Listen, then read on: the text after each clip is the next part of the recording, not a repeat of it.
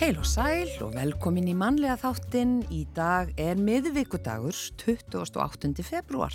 Já, uh, hefði verið síðasti dagur mánadarins uh, það er þrjú okkur um fjórum árum. Jú, akkurat. Við erum bara akkurat á hlaupa ári. Já, það er gaman. Já, uh, en Salfur Nordal, umbósmaður barna, kemur til okkar í dag og ennbætti umbósmanns barna byrti í vikunni upplýsingar um byð barna eftir þjónustu. Eins og ennbættið hefur gert frá því í februar ár 2022 staði fyrir reglulegri upplýsingaöflun um þann fjöldabarna sem býður eftir þjónustu hjá tilteknum aðilum með það að markmiði að varpa ljósi á stöðuna hverju sinni. Upplýsingarnar eru uppfærðar á sex mánuða fresti til að fylgjast með þróun og í stuttumáli hafa niðurstöðuna sínt að allstaðar mæta börnin bygglistum og í lang flestum tilvikum eru bygglistarnir að lengjast. En Salver ætlar að fara með okkur yfir nýjustu stöðuna hér á eftir. Flugfælni er nokkuð sem getur verið hamlandi og komið í veg fyrir að fólk ferðist með flugvelum, bæði innanlands og til annara landa. Kvíðameðferðastöðin í samfunnu við Æslandir býður upp á námskeið fyrir fólk sem vil takast á við flugfælni og virðist gefa góða raun. Í loknámskeiðs er farið með flugi til einhverja af áfangastöðum flugfélagsins, út og heimaftur samdægus og svo bera þáttakendur saman bæku sínar og við ætlum að forvittnast um þetta hér á eftir. Já, og við fáum postkort frá Magnús Æri Einarsinni í dag. Í postkortinu segir frá risjóttri tíð og fleiri raunum sem hafa dönið yfir eigamenna undanförnu. Að því loknu er stríðið í Úkrænu til umfjöllunar sem og fleiri mál Erlendis eins og kostningabaráttan í Bandaríkjanum þar sem að söngstjarnan Taylor Swift er komin í brenni debil og í lokin talar Magnús um hið sérkennilega mál Julian Assange sem að býður í fangils eftir örlugum sínum sem að ráðast á næstunni fyrir breskum domstólum. En við byrjum á tónlistinni og það er Katrín Haldóra Siguradóttir sem hefur leik hér með lægið Prestley af nýju plötunni sinni Ástfyrir 2 og lægir eftir grafík hljómsveitina og Rúnar Þórisson samt í tekstan.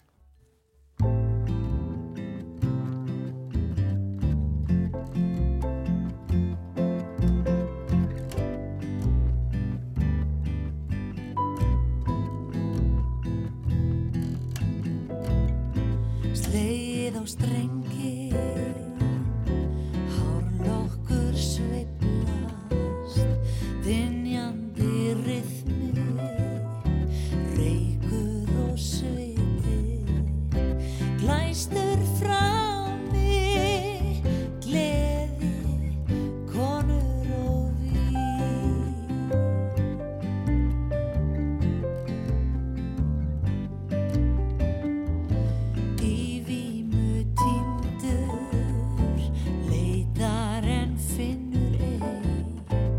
Sálinn sundur tætt Líka minn þreyttur og sár Glæstur frami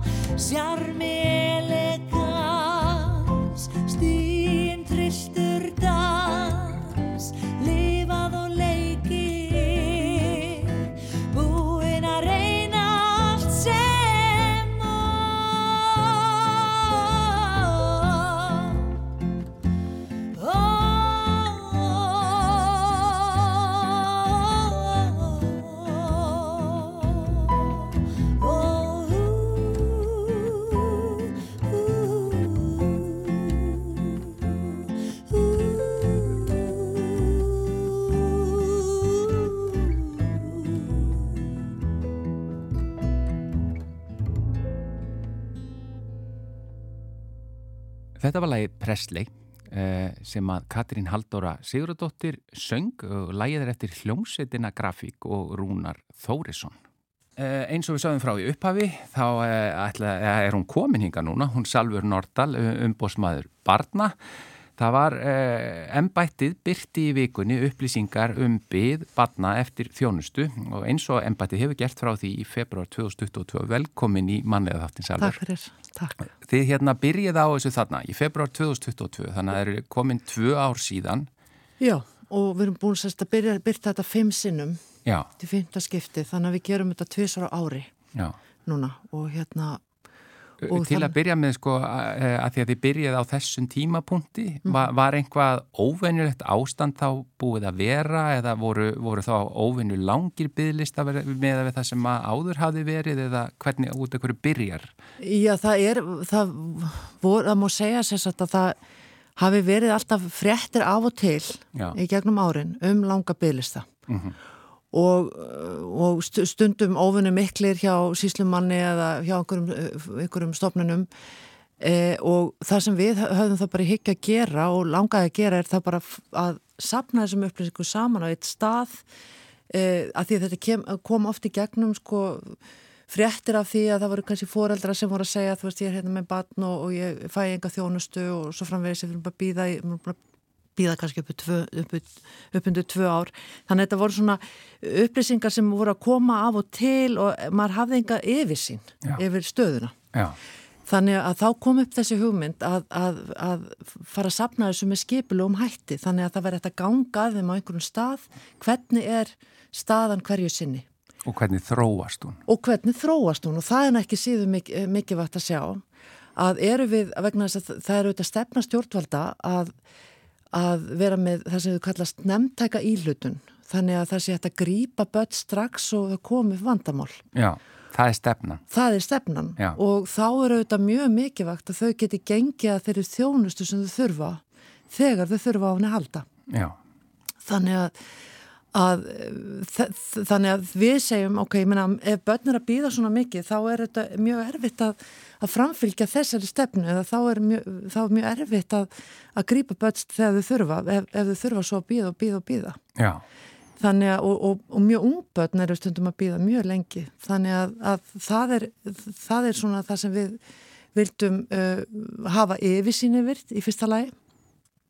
Uh, líka uh, ekki bara við, heldur bara allir getur gengið þessum upplýsingur reglubundið og svo að vera þá líka kvati til þess að, að gera betur. já. Og þið hefði verið að kanna stöðuna á sex mánuða fresti frá því í februar 2022, þannig að þetta er fymta skiptið núna sem þið gerir það. Já. Hvernig hefur þetta þróast? Hvað segja niðurstöðunar okkur núna? Sko það er auðvitað svolítið mismunandi eftir stofnunum Já, og það eru þetta er allt heilbriðskerfið eða hvað? Já, þetta er sumt myndast? undir hérna uh, uh, undir mentu varnarmálaráðandið Já, uh, uh, líka undir dómsmálaráðandið, þetta er kannski þessi þrjú ráðandi sem hérna eru undir.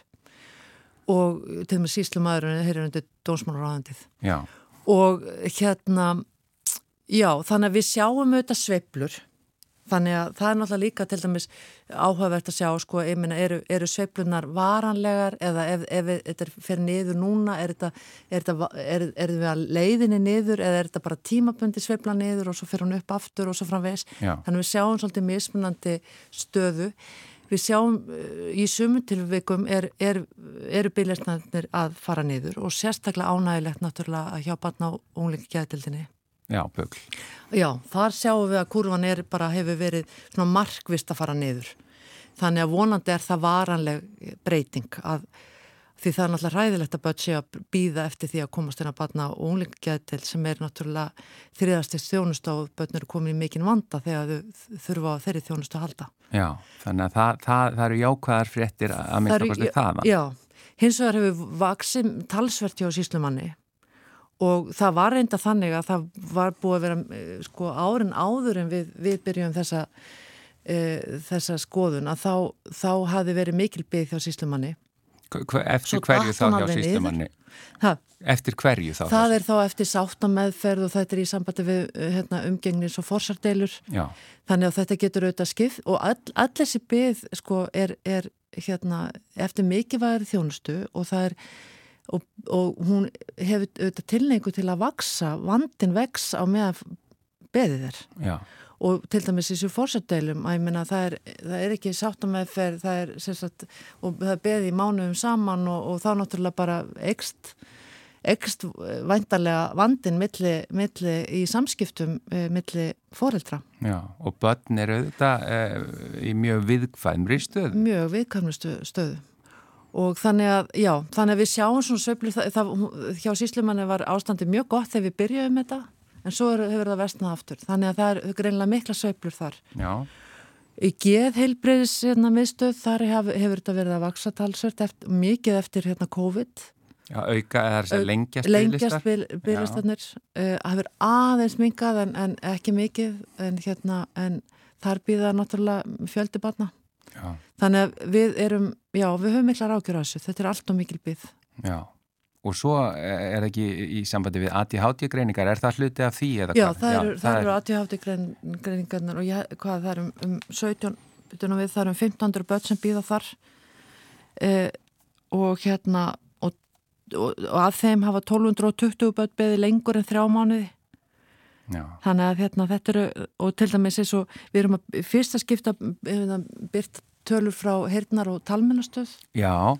Og að því við höfum verið líka að þróa þetta, það hefur verið að reyna að bæta við og, og auka eh, hérna, eh, upplýsingagjöfina þar eru sko býðaböldn yfir sjö mánuði Á, eftir, heyrnamælingu og 117 börn eru undir fjórara þannig að þetta eru mjög ung, ung börn sem þurfa alveg gríðarlega mikið á þessari þjónustu að halda. Já. og hérna og og við erum, höfum miklar ágjör af þessu. Og við erum reyndar erum að taka þátt í málþingi með heitnar á talverðarstöðunni og landlækli og fleirum um, um það, það er til og með dags heirnar sem er á sunnudagin að við erum málþing á, á förstu dagin þar sem við ætlum að ræða um þessi mál og, og ekki síst hljóðvisti hjá umhverju barna Já. en það er hérna, mikil ástæð til að hafa ágjör af þessu og tengt þessu með heyrnar og talmjölastöðu er náttúrulega að hérna, það er e- ekkert yfirlitið við það. Við, við erum að kalla eftir því og vorum að skrifa bref til helbriðsáðandisins að það vantar miðlagan gagnagrunn um það hvað, hversu mörg börn býð eftir talmennafþjónustu. Já. Og það eru líka mjög ung börn. Það sálisti er bara ekki til? Hann er ekki til. Já. Og það er vegna þess að þetta er sko býða hjá kannski mörgum talmennafræðingum í einu og það er auðvitað að sjá hversu raunverulega hversu mörg börn er að býða en þar hefur ástandi verið mjög slemt undanfæran ár og bara eiginlega ára tugi sko, það er hérna, börn hafa verið að býða ég vil mörg ár eftir talmennaþjónustu og það er náttúrulega svakalega mikið að þjónusta þau fái sem allra allra fyrst að því þau eru bara, bara þegar þau eru nokkur ára að þau komist inn í þessa þjónustu og hérna þannig að þau nái tökum á á talmáli og, og öllum hljóðunum og, og, og svo framvegist þannig að þetta er hérna, Já, þetta, þetta er má ekki býða þetta má ekki býða en svo Þann... meðferða deilt stuðla uh, börn að býða eftir því að komast þar inn. Er, hvernig er, eru þeir listar, hvernig líta þeir út? Já, þeir eru, það, það er býða þar núna nokkur börn sko, þannig að hérna og, og það er, auðvitað einhverja seiflur þar hjá hérna barna á fjölskyldustofu já. en hérna en, en já, en, og það er auðvitað ekki gott þegar þau býða eftir að komast inn á stöðla Nei. Þannig að það eru börn í miklu vanda. Þannig að, að þetta eru, þetta eru ágefni. Já, það er mjög aðkallandi vandi. Eh, aukning, aukning á umsóknum um þjónustu MST, hvað er það? MST er sem sagt, hérna, eh, það er líka hjá barnafjölskyldustofu, það er, það er sem sagt, þjónusta sem er við fjölskyldur. Það er sem sagt, eh, það sem eru eh, fjölskyldan er, er sagt í svona ákveðni meðferð og það er stuðningu við alla fjölskylduna og foreldra um, um stuðning við, við hérna barnið og, og hérna þannig að til að koma í veg fyrir að vandin aukist og það þurfi að, að grípa til enn róttakara að, aðgerða. Og þetta er mjög mikilvæg þjónusta Já, og hefur hérna hefur gagnast fjölskyldum mjög vel og komið í veg fyrir það að það kannski hefur þurft að taka börn í, í fóstur eða tímabundið eða, eða varanlegt. Þannig að það er mjög mikilvægt. Þetta eru þessar leiðir til þess að grípa líka fyrr inn í áður en vandin er orðin of stór. já, Og það er auðvitað það sem við erum að sjá hér að við erum að ungbörn er að býða og lengi og þá náttúrulega bara á, á, á, meðan bara vex vandin. þannig að sko fallega orðað um að þessi stefna um snemtæka íhlutun en svo er því kannski ekki alveg fyllt eftir. Nei og ef börn til dæmis er ekki að fá greiningar Mm. uh, tímanlega að þá eru þeir heldur ekki að fá viðeigandi þjónustu Já, því að þegar vandin hefur verið greindur og þá er hægt að, að veita um það þjónustu sem þau þurfa og á meðan er, eru þau kannski ekki að fá þjónustu eða, eða þjónustan ekki alveg sniðin að þeim að því það er ekki búið að greina vandan almenlega. Þannig að þetta eru, þetta, er svo margt sem hangir á þessu. En það, hvernig vinnir þið núna og hvernig gerir þið með upplýsingarnir? Eru þið að þrýsta á því þú nefndir þrjú ráðuneyti sem að, eh, eru yfir þessum málum? Já. Er, eh, setjið þið þrýstinga á ráðuneytin eftir að, komast að þessum niðurstöðum? Nú ætlum við að gera það vegna þess að nú erum við komið með líka svolítið góða yfirsýn yfir stöðuna og við vorum að taka þetta saman í skýslu og búa til töflur þannig að það er svona augljóst hvernig staðan er og hvernig hún hefur verið að þróast og við munum fylgja því eftir núna með, með samtali við öll þessi ráðuneyti. Já, hvernig hafa samskiptin verið með þetta? Hefur verið á ykkur hlustar, finnst ykkur? Sko það hefur að í minnstakosti þá hafa þessar tölur alltaf vakið mikla aðtegli og, og það hefur verið mikil, já, mikil umræða um stöðuna hver, hvert skipti sem við höfum ofinberað þessar tölur. Já, Þannig að það er verið að fylgjast grann með þeim og ég held að, að og auðvitað er það þannig að þessar stofnanir vilja gera miklu betur og það þarf auðvitað að, að ég, ég vona og, og, og trúi því að það er notið þessar upplýsingar líka til þess að þrýsta á sitt ráðuneyti um, um leiðir til þess að, að spotna við og eins og ég segi, þú veist, jákvæði frettinnar eru til dæmis frá bugl og þar hefur greinilega verið tekið, þess að tölu verið tek, tekna mjög alvarlega. já. Þannig að það eru jákvæða fréttir en það eru líka uh, ekki nógu góðar fréttir, langi bygglistar og löng byggð. Já, einmitt. Salfur Nordal, umbúsmaður barna, þakka þér innlega fyrir að koma í mannlega þáttun og segja okkur betur frá þessu. Kæra þakkir.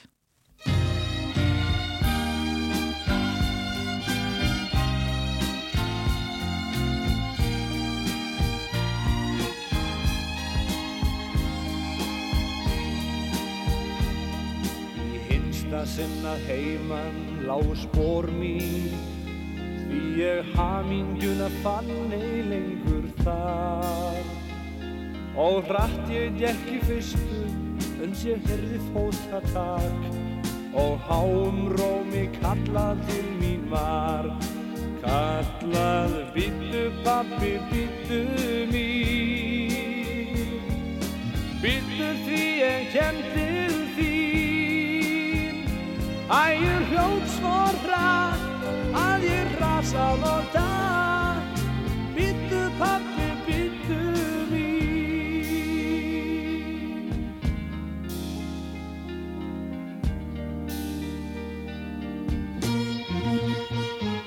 Ég staðarnam og starð á dóttur mína.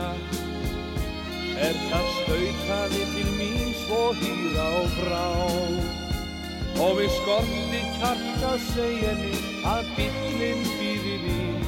Að bera mig langveg henni frá. Hún sagði bíllu pappi, bíllu mín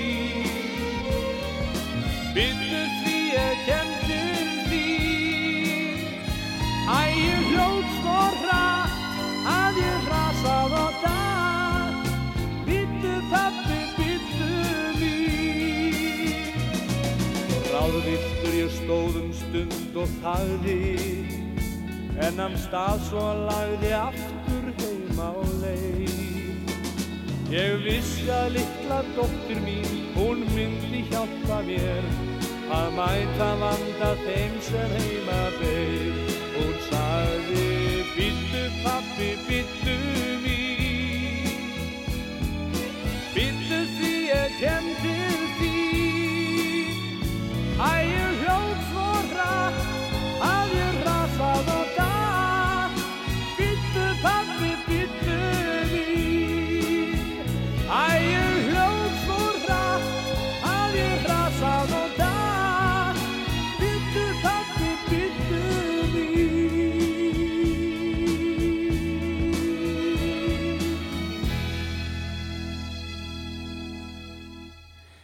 Þetta var Vilhjálmur Vilhjálmsson að syngja lagið Bítu pappi. Þetta er erlend lag og textin eftir yðunni Steinstóttur. Flugfælni eða flugkvíði er nokkuð sem, eins og við sögum hér upphæfi, getur verið afar hamlandi og komið í veg fyrir að fólk bara ferðist með flugvölum innan lands eða til annara landa. Og nú er á dagskrá í vor sérstakt námskeið sem kvíða meðferðastöðin eh, heldur í saminu við Æslandir, þar sem fólk tekst á við þennan kvíða eða þessa fælni og hún er kominninga Ólafíða Sigurjónsdóttir Sálfræðingur, velkomin. Já, takk fyrir. E, einu sinni hétt þetta flughræðsla, er þið hægt að nota það orð? Já, við, við notum þetta svona til skiptis en, en uh, við tölum yfirleitt um flugkvíða, þannig er svolítið vel utan um þetta. Og kannski líka því að það er ekki allir með uh, sem eru með flugkvíða sem að endilega forðast að fara í flug. Já, akkurat, að fólk bara fer. Já, fer þráttur í kvíðan, það er ekki allir að, að, hérna, að hætta við að fara eða svoleiðis. Og hvaða, sem sagt, fólk sem kemur á svona námskeið, er það fólk sem flýgur en vil láta sér líða betur eða bara fólk sem bara forðast það eins og heitan eldin? Það er bara bæði. Það er algengar að fólk, að, hérna, fólk láti sig hafa það en kannski fer færri ferðir.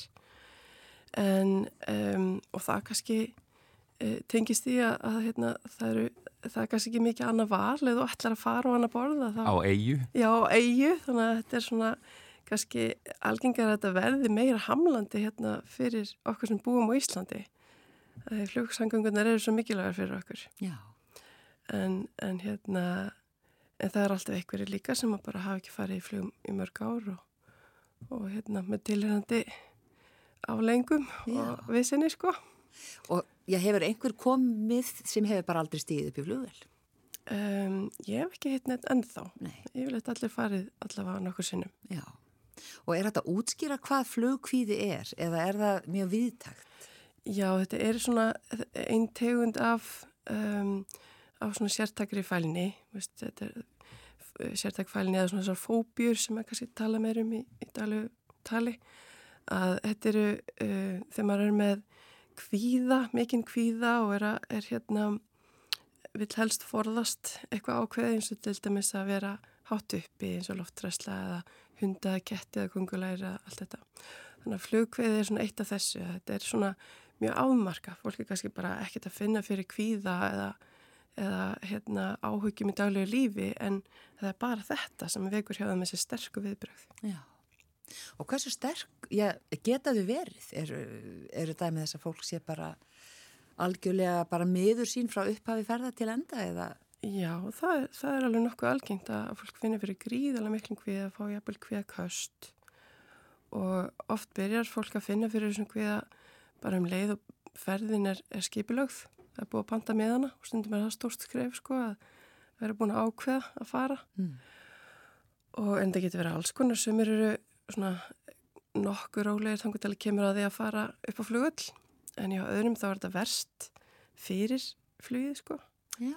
En hjá öðrum þá var þetta bara allan tíman, bæði fyrir og í fluginu og jafnvel í ferðinni og hviði að fara tilbaka, svona eðalíku ferðina.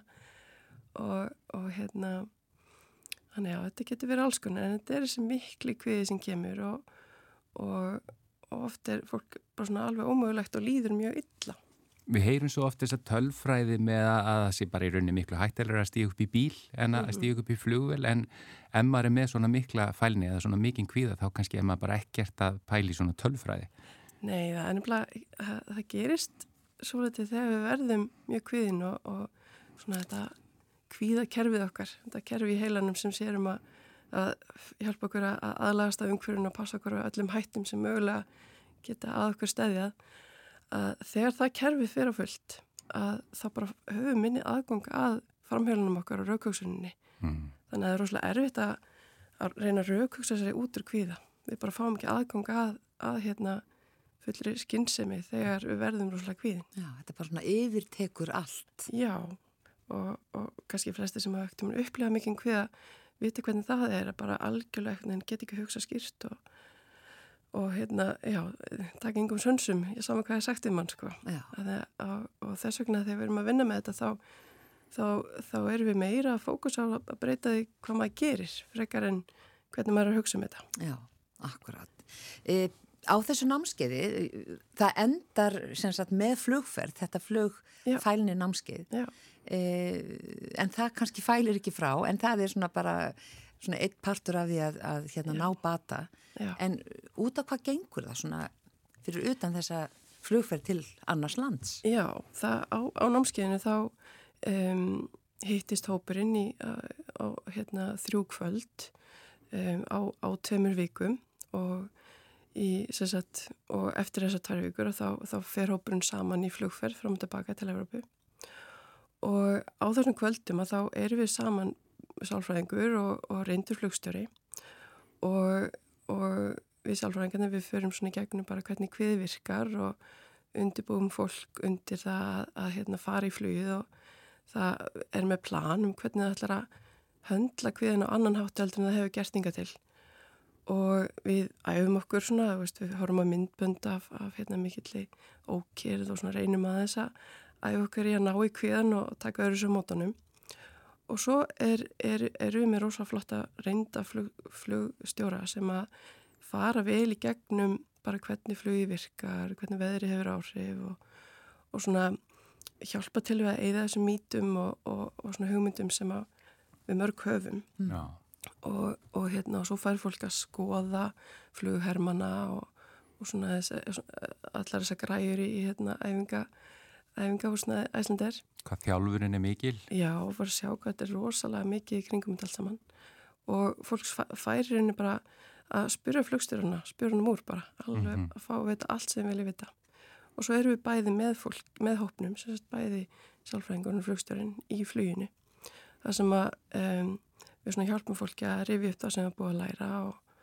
og, og, hérna, og takast á kviðan og leira þetta miskilin sem geti komið upp. Hvað er þetta stór hópur sem fer þá í einu eða sem er á námskeiðun og fer svo í flug? Við erum svona 10-12. Já. Já.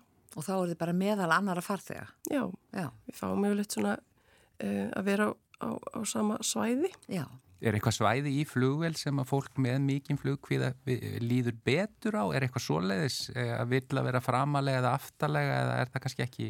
Það er, er nefnilega svo, svo, hérna, um, svo sniðut með kvíðan sko að þetta er, þetta er alls konar. Já, já. Það er kannski sama hlutin en með mismöndu hugmyndir hvað, er, hvað, hvað heldur því örugum sko. Þannig að sumi vilja vera á gangin til þess að geta lappað um en aðrir vilja helst vera við gluggan til að geta fylst með eitthvað gerist. Mm -hmm þannig að þetta er svona alls konar Hafið lendi í því að, að fólk hafi farið í gegnum þessi kvöld og samt bara ek, alls ekki geta farið í flug Það hefur uh, örsjaldan gæst en, en hérna það gerstu þetta þegar kviðin er rosalega mikill að, að hérna og kannski dagsformið ekki gott og, og hérna kannski annað í gangi líka þá það hefur komið fyrir en það er, er sjálfgett Já, það er talað um sagt, að þetta sé bara alveg 80% eh, sagt, hvað maður sé árangur. Já, við hefum séð það að, að hérna, það er bara mjög góður ánungur á sig og, og um, virkilega gaman að, að hérna, verið gaman að fylgja fólki gegnum þetta að það er svo ánægt að, að ná tökum á þessu Yfirstíga þetta Já Finnir þið mun á fólkinu á heimleðinni þar að segja í setni hluta flugsins er það orðið aðeins afslappaðara? Já, klálega Já. það er bara svona það var bara komin galsi í fólk hérna á leðinu heim ekkert málengur já. já, ég man einhvern tíma var það útskýrt fyrir mér eh, fyrir mörg mörgum árum að svona ókýrð í lofti væri svolítið eins og hólur í vegi þegar já. maður er að keira já. að þetta er ekkert annað en það en það kannski, er það ókýrðin sem fólk er hættast? Já, mjög oft er það ókýrðin sem er náttúrulega mjög óþægilt allir maður lendir mjög ókýrð mm -hmm.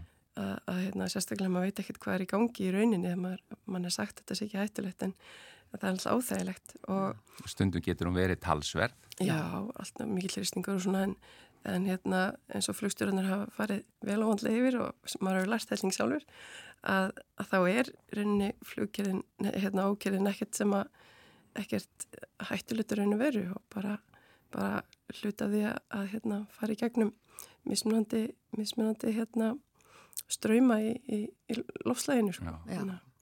Og þó- svo er það líka þessi skömm að því að uh, maður verður varfið að fólk felur þetta eða skamma sín fyrir þessa hræðslu. Já, það, það er Svona, svona kannski partur af þessu. Já, stundum er það partur af þessu og, og svona kannski, kannski flugkviði aðeins samþyktari heldur en margur annar kviði og þetta er alltaf aðeins að, aðeins að breytast með, með hérna tímanum að Já. fólk er opnara varandi þessa hluti en, en fyrir suma þá er þetta ná, og það ætla að tala um þetta og, og það ætla að tala um þessar hugmyndir sem kom upp þegar, þegar þeir leiði svona illa. Já. Mæliði með því að ef að fólk er kvíðið en lætur ekki stoppa sig og fer, hefur kannski ekki fara á námskeið hjá okkur en ke- fer í flug mæliði með því að þau láti flugþjónuna og fólki sem er að vinna um borð vita þannig að séu, þannig að fólki sem er að vinna um borð sé meðvitað um það. Já, sko, auðvitað ef, ef fólk er ekki með um, búið að fá neina sérstakar aðferði til að vinna með kvíðan þá auðvitað gerir það bara það sem það getur til að komast í gegnum þetta. Stundum, stundum hjálpar það að, að fá að tala við, við áhöfnina og, og stundum fá, fær fólk með sig að fara fram í og, og tala við flugstjórana og svona mörgum fyrst að hjálpa. Já. Þannig að það er ekkert svona en, en svo, svo stundum þegar við erum byrjað að vinna með þetta að þá getur það verið hluti að því að, að, að hérna að sýta og, og láta ekki neitt vita með sig kviðin og taka bara sen sinna maður geta alveg tæklað þetta sko Já. já. þannig að þetta er mismunandi hvað maður stattur já. Mhm. Og hvert að fólk að uh, leita sem vil skrá sig? Er það bara Æslandir? Já, það er æslandir at kms.is Já, bara netfang. Æslandir já. at, at KMS og KMS er kvíða með fyrir stöðin. Já, Kæra þakkir, Ólafía Sigurjónsdóttir, Sálfræðingur. takk fyrir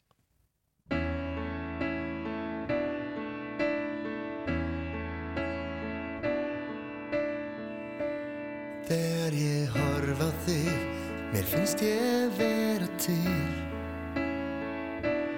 Allt verður auðvelt, allt verður einfalt. Getur verið að samanlæða sálir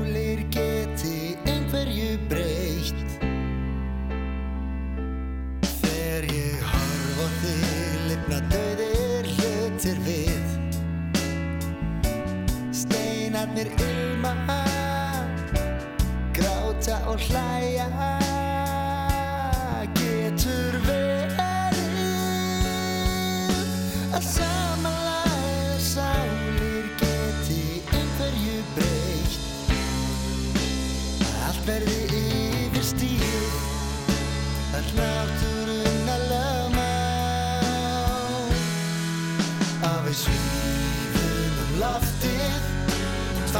tvær ástfangnar flugvélar yfir út af vinu ég elska þig. Það sér okkur enginn þar. Og við svífum um loftið. Tvær ástfangnar flugvélar Í 5000 fetum ég kissi þig. Og býð svo til lengingar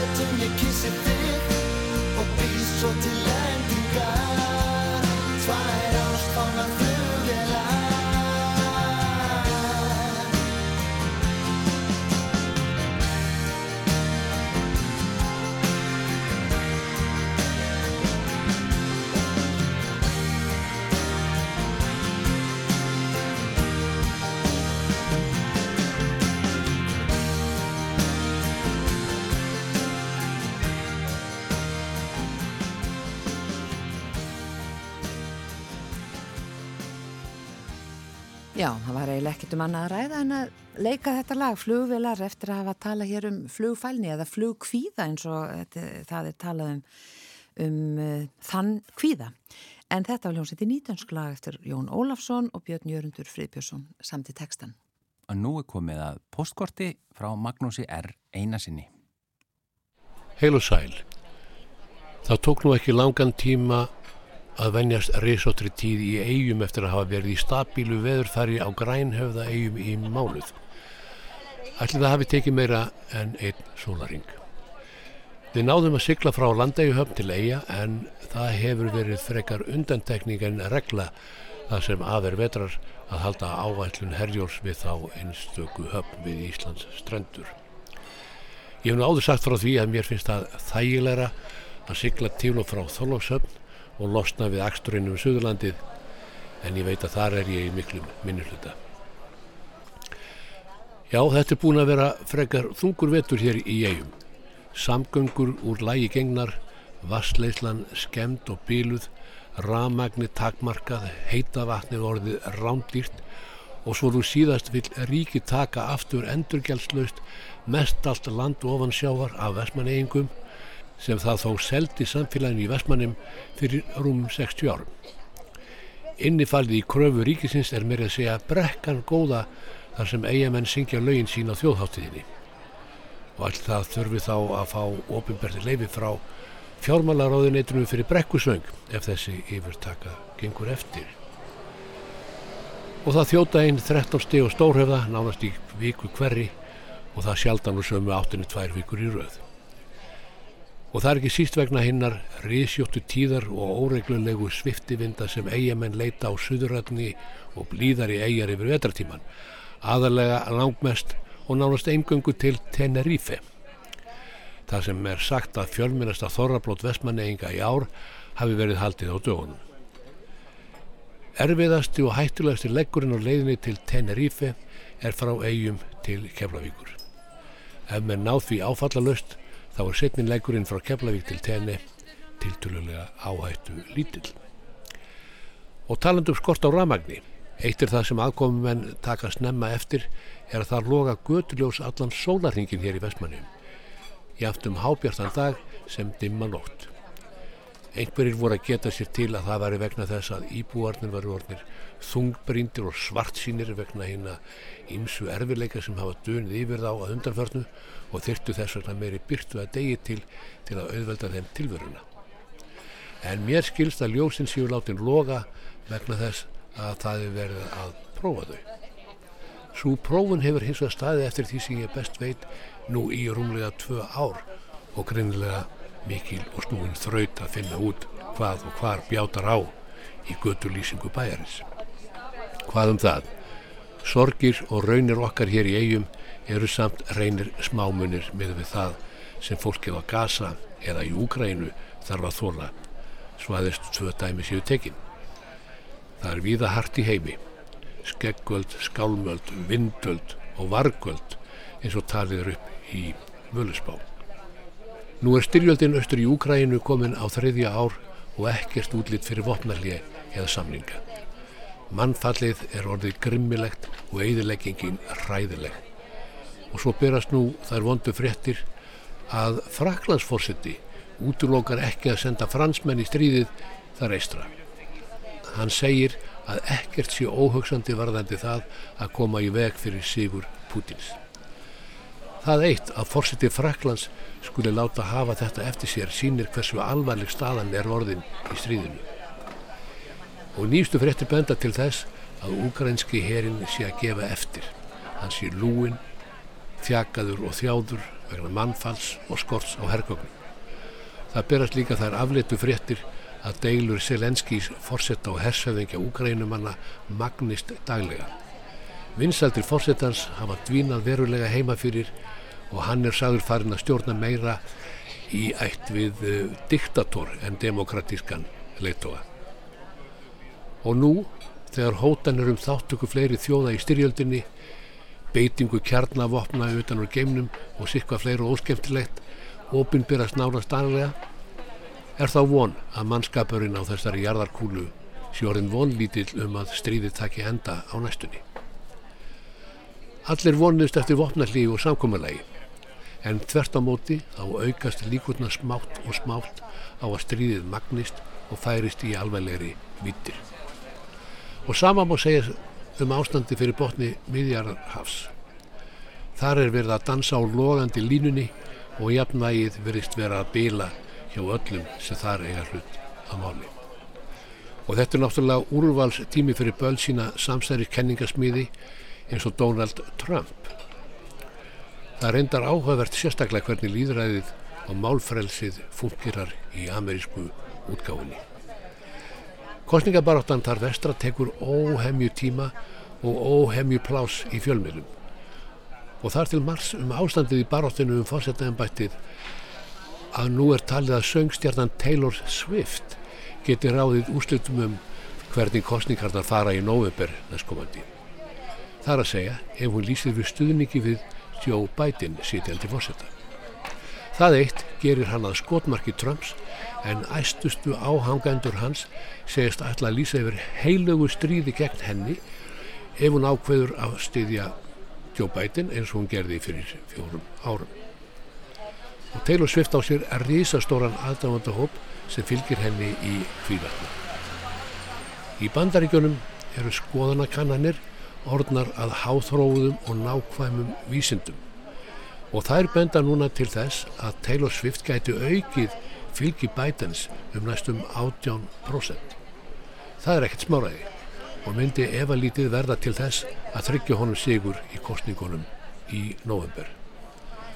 Af þessum sökum leggur Donald Trump og kostningamaskina hans að gífurlega áherslu að koma í veg fyrir slíka yfirlýsingu hálfu sögkonumar. Samstæriskenningar hjá ofsatrúar Trump-fylgjendum ganga út á það að djúbríkið hafi hannað sigur röðningsliðsins Kansas City Chiefs í ofurskálinni svo nefndu til að Taylor Swift fengi sem mesta fjölmiðla aðtegli því kærasti hennar er í liðinu og þau eru í dag lang, lang heitasta parið af öllum heitum pörum Vestarhafs. Í kjölfari myndi hún svo koma með yfirlýsingu með Biden út af það gekk kenningin.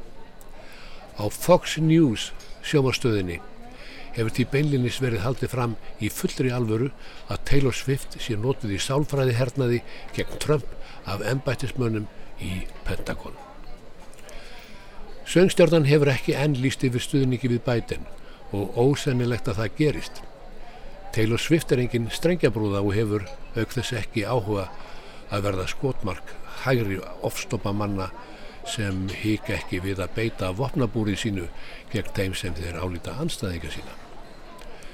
Það er því sennilegt að hún minna aðeins gefa stöðning sinn í skinn en ekki með afdráttarlösum hætti. Þetta er hættuspil fyrir hana og hennar fólk. Pólitíkin í Eurovision er barnaleikur með það sem er að gerast í landi hinna frjálsu og hugrökku Vestanhafs.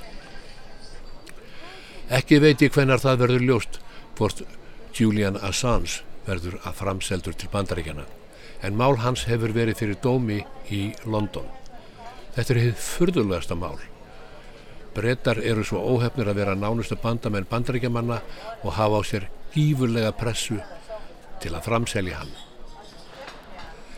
Julian Assange byrtu hundruð þúsunda skjala sem staðfestu stríðsklæpi bandaríkjamanna og bandamanna þeirra í Afganistan, Írak, Guantanamo og fleiri löndum og plossum. Áreðanleiki og trúverðurleiki skjalana er ekki dregin í efa en samt hefur engin gerenda stríðsklæpana verið dregin fyrir domstóla, hvað þá sakveldur. Þörtamóti þá hefur uppljóstrara og boðbera frettana Julian Assange verið haldið í öryggisfangelsi í fimm ár í London og þar áður var hann í einangurinn í sendiræðu Ekvador í sjú ár. Assange hefur ekki verið ákjærðu fyrir glæpi, forki í Breitlandi, Európusambandslöndunum nýja í heimalandi hans Ástralju. Eina ástæðin fyrir þessari laungu og ströngu fangelsisvist er svo að bandarækjastjórn hefur krafist framsals Assange vegna ásakana hennar um njóstnir af hans hálfu. Engin bladamadur, frettamadur eða uppljóstarari hefur verið dæmdur eftir þessum njóstnarlögum sem voru sett í fyrri heimstyrjöld fyrir rúmum hundra árum. Framsalskrafan er sérlega veikburða vegna þess að aðalvittni sem krafan byggir á er alræmdur og margdæmdur svindlar og barnalýðingur Sigurdur Ingi Þórðarsson. En ef við snúum nú dæminu aðeins við og segjum að ástralskur bladamadur byrti leyniskjöl sem varða stríðsklæpi rúsneska hersins og leynu þjónustu Pútins, sætti svo um vernd í Englandi til að forðast framsal til Rúslands. Myndu enskir dómarar í alvöru velta lengi vöngum yfir því hvort Ástralin erði framseldur til Moskvu með fyrirleitlegan glæpamann sem aðal vitni. Bestu kveður og góða stundir.